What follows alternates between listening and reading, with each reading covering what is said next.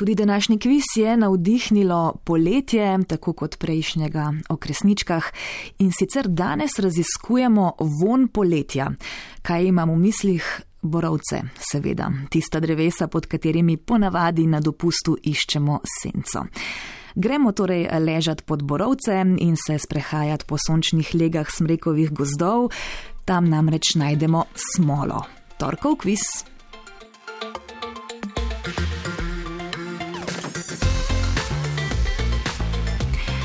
Gosta lepljiva tekočina, sestavljena iz smolnih kislin in terpentinovega olja, ki se ob poškodbah izloča kot eh, zaščita drevesnega tkiva.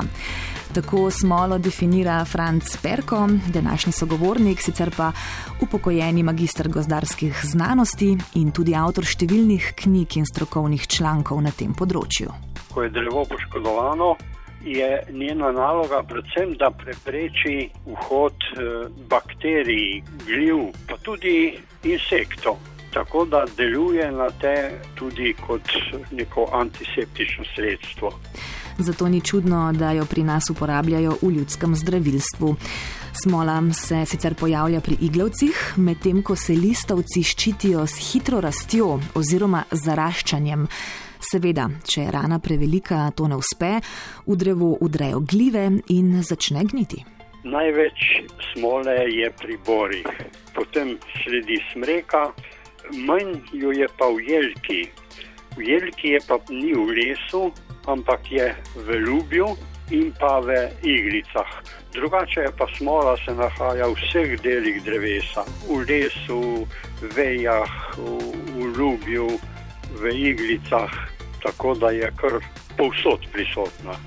In zato tudi ni nenavadno, da je bilo naprimer smolarjenje prisotno že v nekdanji Jugoslaviji pred drugo svetovno vojno, predvsem na določenih območjih Makedonije, po vojni pa tudi pri nas. Ampak slovenska zgodovina te dejavnosti je pravzaprav zelo kratka. Dobrih deset let je trajala, pove sogovornik in razloži, da je bilo načinov pridobivanja smole več. Najbolj preprosto je bilo, da so enostavno obtesali, obljubili ljubje, zavrtali v drevo, da so naredili rano in drevo je začelo potem intenzivno izločati smolo. Potem so pa to smolo, ko se je strdila, so jo ostrgali in so jo nabrali.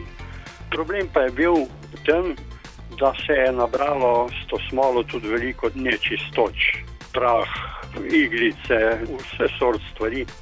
Zato so postopek kmalo modernizirali. Tako da so zarezali v drevo najprej navpično, ta zareza je morala biti tako le ne pol centimetra v les, ker tam so sprožili potem te procese, da je iz teh le smolnih kanalov začela teči smola potem pa poševne reze iz leve in z desne strani. Spodaj, ker se je ta navpična res končala, so pa postavili lonček. Oziroma ga pritrdili in počasi je po rezi tekla van smola. Rezi je bilo treba med postopkom obnavljati in eh, dodajati nove, ker je smola seveda opravila svoje naravno poslanstvo in poškodbe zapirala. Rezi so se zasušile. Koliko časa pa je pravzaprav trajalo, da so napolnili lonček? Če upoštevamo, da je eno drevo na leto dalo, bori so bili to od dobrega kilograma pa do kilograma pa pol smole to je v celi tej sezoni, ki se je začela tam aprila in se je končala kot oktobra. Počasen proces, torej zelo počasen. No, ko so začeli iz nafte izdelovati sintetične smole, so pa smolarjanje pri nas opustili, saj je bil novi postopek cenejši kot nabiranje smole, pa tudi hitrejši, verjetno. E, zakaj pa sploh so pridobivali smolo? Zaradi njene kolofonije in terpentina. Terpentinovo olje za izdelavo lakov, kreme za čevlje, parketna loščila. Tudi v medicini se je uporabljalo bolj prečiščeno terpentinovo olje.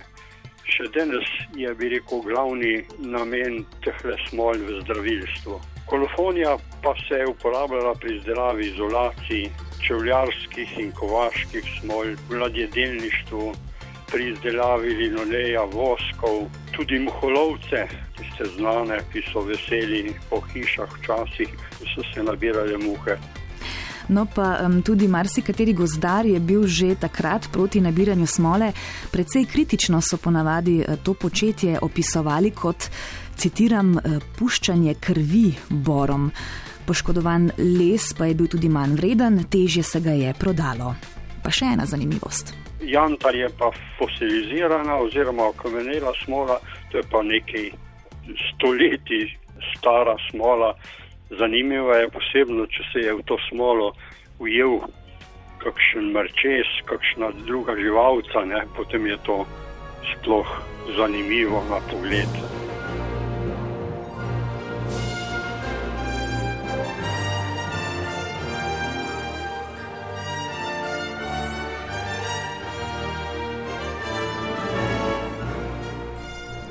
No, to je bil pa podatek eh, za vse, ki ste se morda spraševali, če bi se tisti prizor z ujetim komarjem v Jantarju iz Jurskega parka resnično lahko zgodil, kako je z ohranjanjem eh, DNK-ja v Jantarju. No, to je pa verjetno vprašanje za kdaj drugič in kakšno drugo vejo znanosti.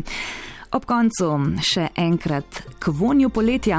Zakaj torej ob morju ponavadi tako lepo diši po borih in eh, kako odstraniti smolo z brisače ali blazine? Ja, ni, ni enostavno.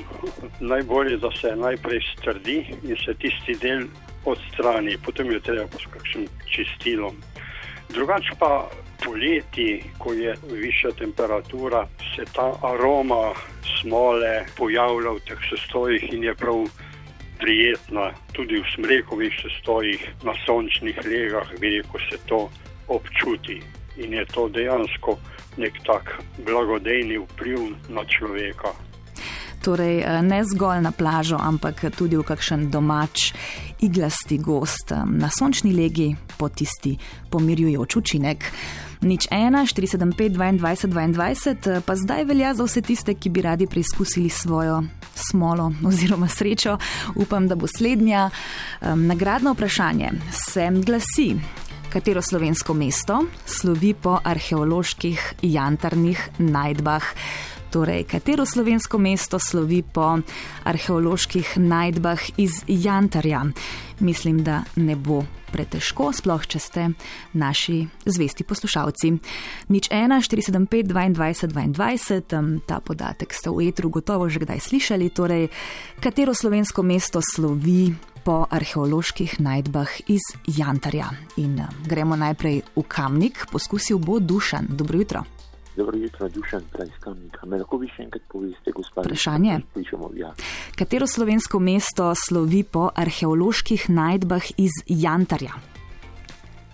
Bo šlo. Dušan, ugibajte, če ne bo šlo. Mislim, če ne veste. Očitno ne bo šlo. Dobro, um, še poskusite, dajte nič 1, 475, 22, 22, kar pogumno lahko tudi ugibate. Um, pa mislim, da ne bi smelo biti pretežko. Torej, katero slovensko mesto slovi po arheoloških jantarnih najdbah? Nič 1, 475, 22. 22.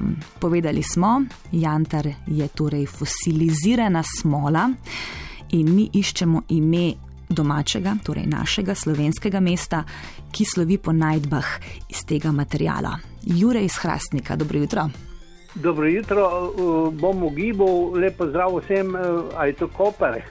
Ni Koper, ni Koper, ampak um, hvala za klic, morda več sreče naslednjič. Tokrat je bilo malo smole. Uh, Jure, hvala, srečno. Uh, še, dajmo, imamo še čas, nič 1, 475, 22, 22. Iščemo ime mesta, ki slovi po arheoloških jantarnih najdbah. Irena iz Novega mesta je z nami. Dobro jutro, Irena, pozdravljeni. Ja, dober dan. Povejte, vi boste pa Novo vedeli. mesto. Ja, se mi je zdelo, ne? Ste le domačinka. Uh, ja, Sem pravzaprav izviram iz Dolga mesta in lani, mislim, da je bilo lani Jantarevo leto. Uh -huh, jantarno leto, ja. Um, ste, ste kaj obiskali, kakšen dogodek, morda šli v muzej, um, neka zanimiva Uh, ja, razstava je grem bila. ne? večkrat v muzej, ja, Uh -huh. v Novem mestu. Ja, zanimivo, ta jantarna pot je torej vodila v sredozemlje iz Baltika, tam nekje do pozne antike in ta jantar je bil takrat kar dragocen, eh, zdaj pa imamo v muzejih tudi v novem mestu torej kar nekaj eh, okrasja in nakita iz jantarja. Ja, tudi iz eh, Rusije je bilo um, neka predstavitev, oziroma takrat, ko je bilo Jantarevo leto, so pripeljali veliko stvari. Uh -huh. Tako da, um, ja, zanimivo. Se je dalo kar precej videti in izvedeti Ja. ne, o tem delu Ja. naše Ja. zgodovine. Ja. Um, no, Irena, če smo se mi za tale kviz eh, malce preselili do novega mesta, pa jaz upam, da boste vi uspeli jutri priti v Ljubljano. Podarjamo vam namreč eh, dve vstopnici za mednarodni festival Evropa Kantat, ki se dogaja v Aha. teh dneh um, v Sloveniji oziroma Ljubljani.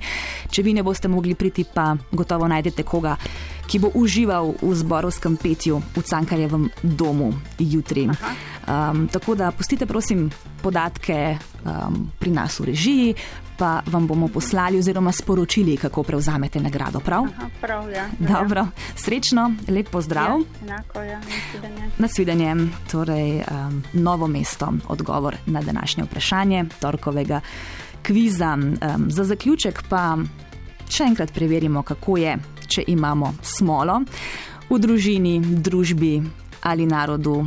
To ve in pove smolar, adi smolar.